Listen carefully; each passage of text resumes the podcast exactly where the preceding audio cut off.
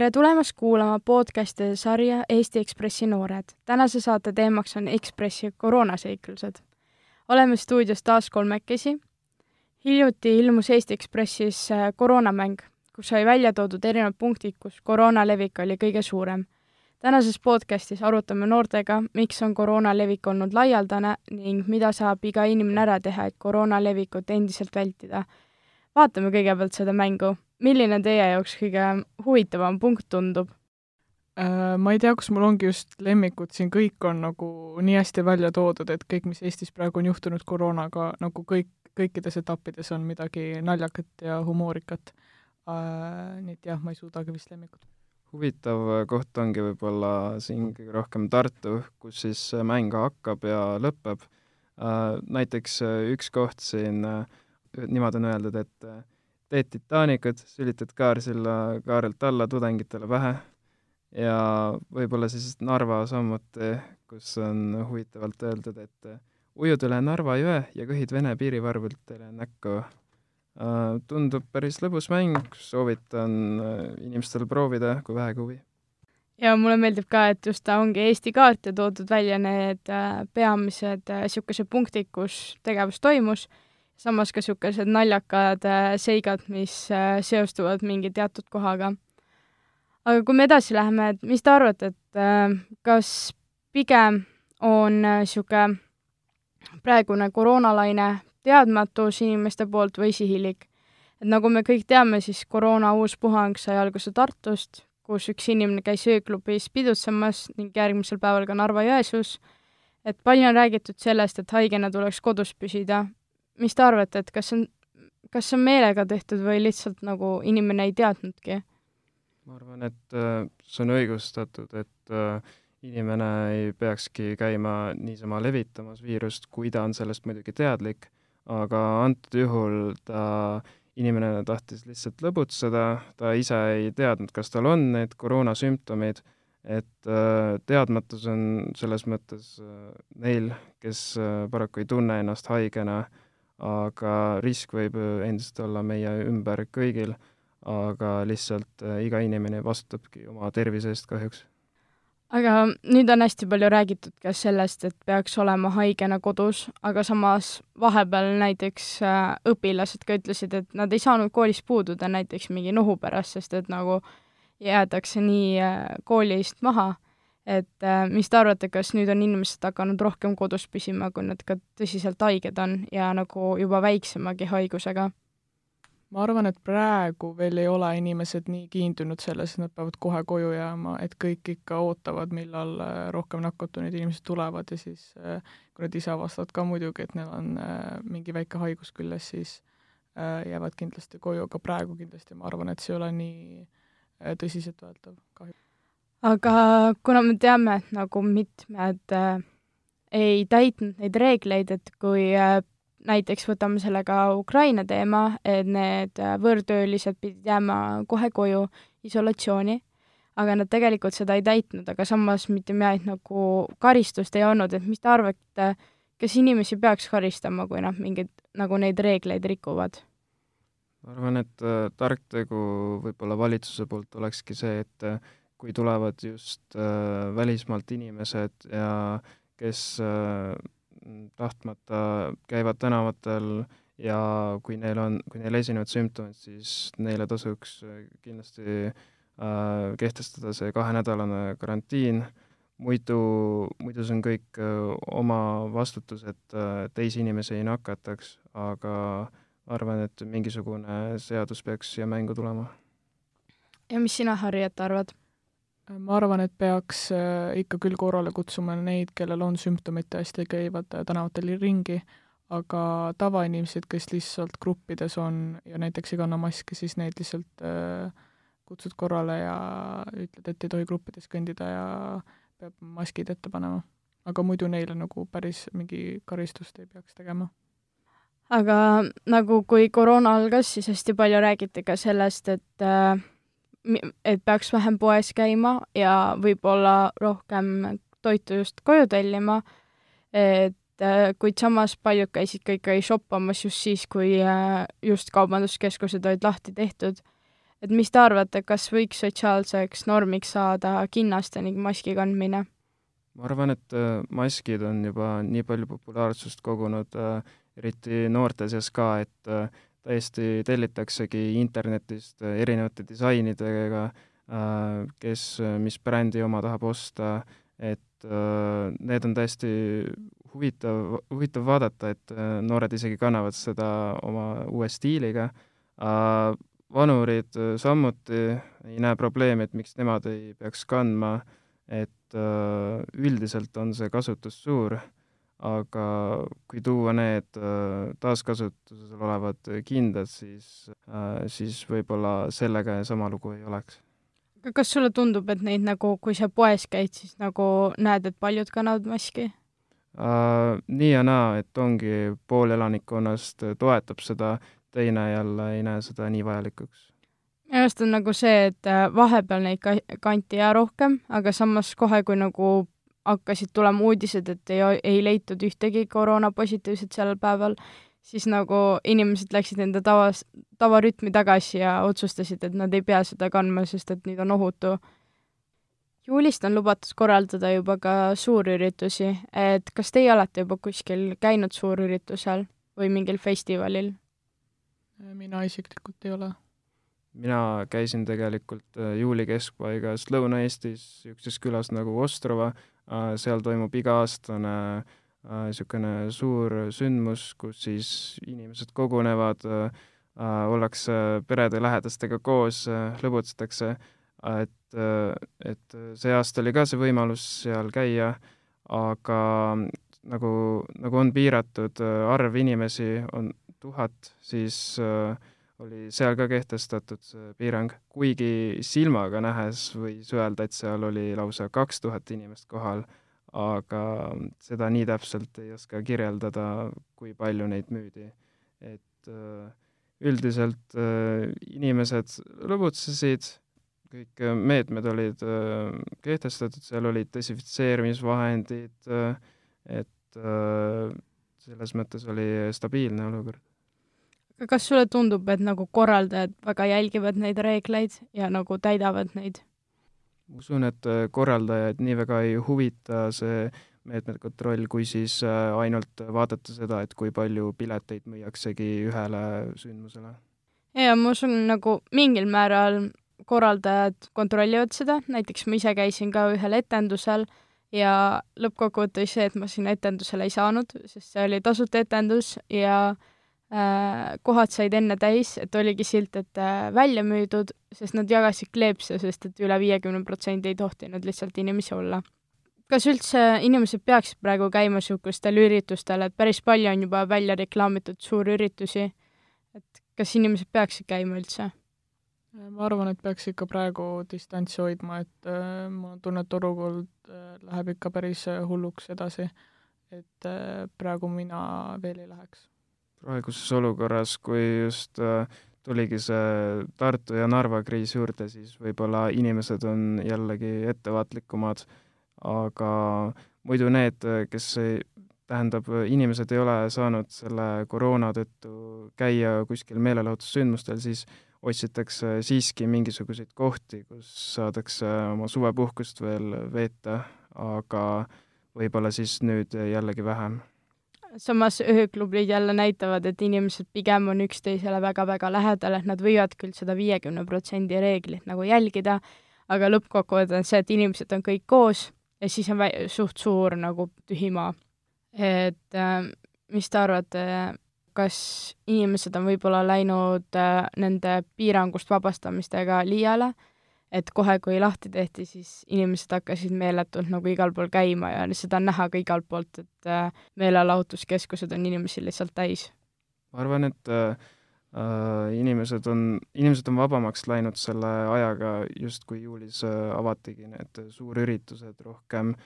mõned üldse ei mõtle nendele äh,, teised jälle hoiavad oma tervist nii palju, kui saavad äh,, aga üldiselt on mass läinud, võtnud seda olukorda vabamalt, kuigi võib-olla peakski järgima seda nüüd rohkem. aga praegu paljud blogijad toovad ka välja, et nad äh, reisivad Eesti-siseselt, aga samas, kui me vaatame neid äh, uue koroonalaine puhanguid, siis on ka see tekkinud sellest, et inimesed reisivad ja käivad ühest linnast teise. mis te arvate, kas niisugune ka Eesti-sisene reisimine on turvaline ja vajalik? ma arvan, et see oleneb ikka olukorrast, et kui näiteks on äh, perekond on näiteks või kus, kus, kuskil kaugemal või sul on mingi maakodu näiteks, et siis ikka hoida distantsi, aga kui tõesti on nagu vaja minna, siis muidugi ka kui mingi jälle lõbutsema lihtsalt minna kuhugi Tartu või ükskõik kuhu, siis äh, ikka ma arvan, et selle plaani peaks ära jätma ma ütleks nii palju, et äh, kui sul on kuskil äh, sugulased või vanavanemad näiteks teisel pool Eestit, et äh, siis ma ei näe põhjust, miks mitte külastada neid, kui olla oma suguvõsa või pereringkonnas. et kui toimub mingisugune suursugune festival või üritus, et siis ainult hoiduda võib-olla sellest massist nii palju koos olemisega. aga ähm, just koroona ajal avastasid inimesed ka matkarajad ja matkaradadel on ka näha, et inimesi on päris palju. et kas selline turism on ka praegu nagu mõistlik ja võib-olla alternatiiv just meelelahutuskeskustele, et just käiagi nendel matkaradadel looduses telkimas? ma arvan, see on, ma arvan, parem ikka, kui minna kuhugi ööklubisse, aga jälle oleneb, kui sa juba näed, kui sa lähed näiteks sinna, siis sa näed, et mingi autosid on palju või kõik on nagu seal platsis, siis võib-olla valida mingi teine koht, et ei minna, et äh, ei tohi just minna sinna kõige populaarsemasse kohta. aga kui palju te ise sellel suvel olete Eesti-siseselt reisinud? mina olen käinud juba kahes eri piirkonnas, nagu nimetatud, üks oligi siis Ostrova, teine jäi Kesk-Eestisse, kus äh, samamoodi siis käisime matkarajal perega äh, seal, seal konkreetses kohas ei olnud palju inimesi või autosid, et sealt sai justkui vabalt võtta. ma olen ka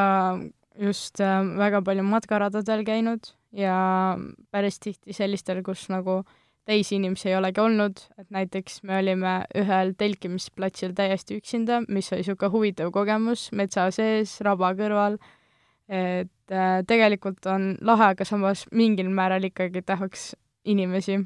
et oleks lõbusam. aga paljud on juba ka postitanud näiteks Instagrami igal poole pilte, et nad on kuskil välismaal, kuigi alles ju piirid läksid lahti, et mis te sellest arvate?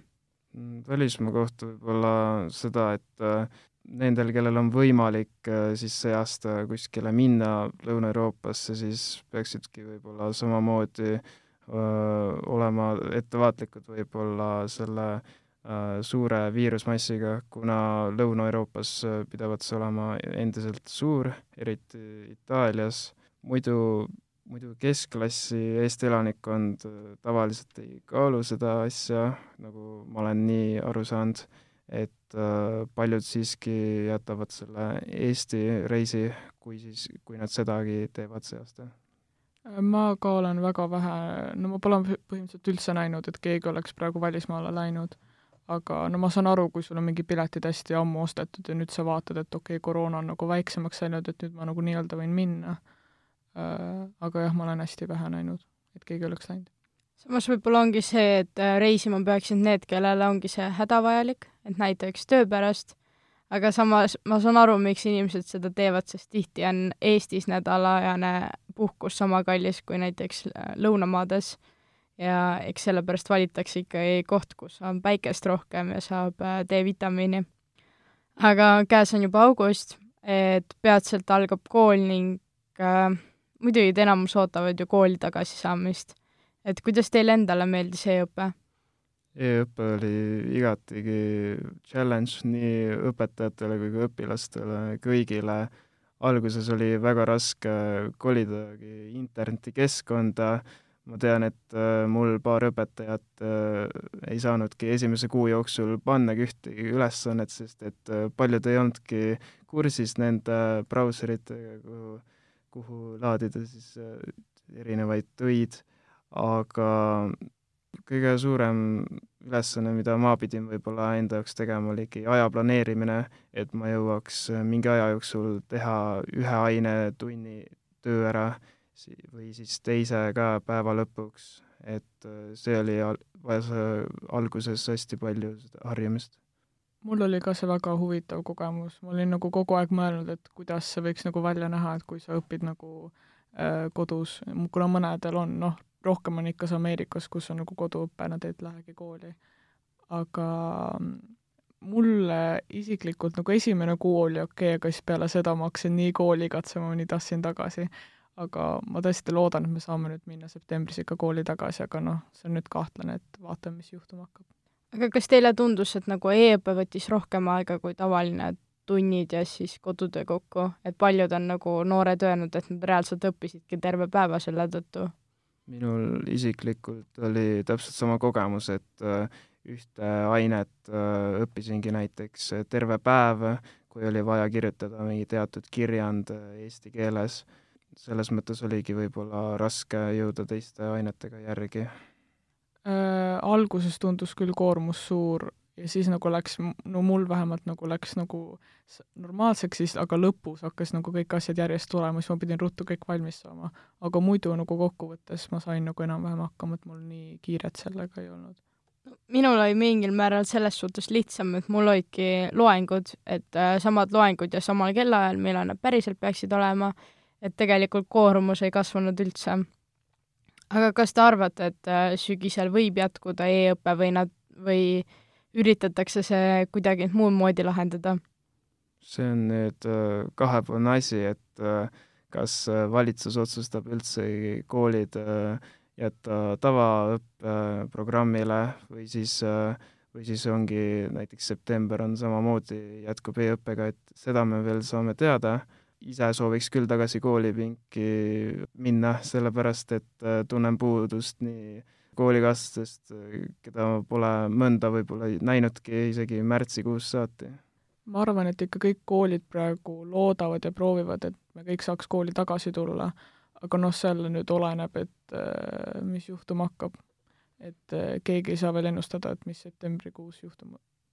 ja samas paljud koolid, ma olen kuulnud, et on juba valmistunud ka selleks, et näiteks isegi kui kool pihta hakkab, siis kõik tunnid ei ole nagu koolis, vaid mõned on ka e-õppena, näiteks üks päev on e-õpet iga nädal, et äh, valmistuda järgmisteks kriisideks. aga kui palju teile on kooli kohta infot jagatud praegu, et mis saama üldse hakkab? siiamaani pole minu kooli koduleht äh, midagi välja öelnud. Meil äh, ei ole ka praegu infot, et mis edasi hakkab saama, aga no meil juba, see oli ammu tehtud, aga meil on ikka nagu plaan, et Äh, noh, et, et esimesel septembril ikka hakkab kool ja siis äh, kõik suvevaheajad ja kõik need on ära tehtud ja nagu see plaan on olemas, millal nagu üks äh, periood lõpeb ja nii. samas eriolukord tõi ka paljudele ettevõtetele muudatusi, et inimesed läksid näiteks kodukontoritesse. Kuidas teile see tundus, et kas inimesed teevad nagu kodukontoris sama tööd või pigem on nagu laisemad ja võib-olla ei suuda seda äh, Äh, järjepidavust hoida? Neid ülesandeid tehakse ikka samamoodi edasi, nagu päris kontoris oligi. Äh, samamoodi nagu õpilastele võis olla see alguses raske üleminek, olla äh, täistundidega ainult arvuti taga, aga ma arvan, et ka see läks aegamööda lihtsamaks, et alguses oli raskem, siis kuu aja pärast juba olid täiesti pühendunud sellele Äh, ma ei usu, et inimesed äh, ei olnud äh, laisemad, kuna neil on ikka nagu planeeritud kõik ära, mis nad sellel päeval peavad ära tegema ja lihtsalt siis kodustes tingimustes pidid selle ära tegema. Minu jaoks näiteks kodukontor oli palju parem versioon, et jäi ära seda sõitmist palju ja samas ma sain iseenda aega planeerida, et näiteks kui ma ei tahtnudki hommikupoole teha, siis ma sain õhtupoole tööd teha, et nagu just oli seda vabadust võib-olla rohkem, aga samas kõik tööd said samamoodi tehtud ja võib-olla mul oli ka võimalus rohkem töötada, kui ma muidu oleks näiteks kontoris teinud. aga samas, mis te arvate, kas nagu ettevõtluskultuur kui niisugune muutub ka peale koroonat, et äh, näiteks mõned äh, ettevõtted ei olegi enda kontoritesse tagasi läinud. Nii palju, kui on äh, pooltes ettevõtetes, siis näiteks ongi niisugune arv inimesi, kes ongi näiteks Skype'i teel jäänud suhtlema teatud töövestluste pärast, et mõnele see täiesti sobib, eriti nendel, kes elavad mitukümmend või isegi sada kilomeetrit oma töökohast eemal, et äh, nemad ei pea pendeldama kodu ja töö vahel nii palju siis. minu arust ka, et inimesed saavad minu arust praegu otsustada, et kas nad pigem tahavad kontorisse minna või jääda siis koju. et tead, kui sa elad hästi kaugel, sa muidugi pigem jääd koju, et see on hea valik minu arust nendele, kellel äh, on siis raskemad võimalused. samas võib-olla on ka see mingil määral hea, et äh, kui on lapsed, siis saab neid valvata, kuigi päris palju on olnud mingi vestlustel, et äh, mingid lapsed kilkavad taga, mis veidi nagu häirib, aga samas ma usun, et veidi ettevõtluskultuur muutub just sellega, et hakatakse nagu ühekordselt rentima mingeid koosolekuruume, et ei peetagi võib-olla nagu igapäevaselt niisugust suurt kontorit. aga aitäh teile, oli väga sisukas arutelu ja minu jaoks on see Ekspressi koroonamäng päris lõbus, nii et äh, soovitan ka vanematel lastega seda mängida ma usun, et äh, lastele on niisugust väga palju seletamist, et äh, miks ja kuidas. ja aitäh ka kuulajatele ning kohtume juba järgmistes podcastides.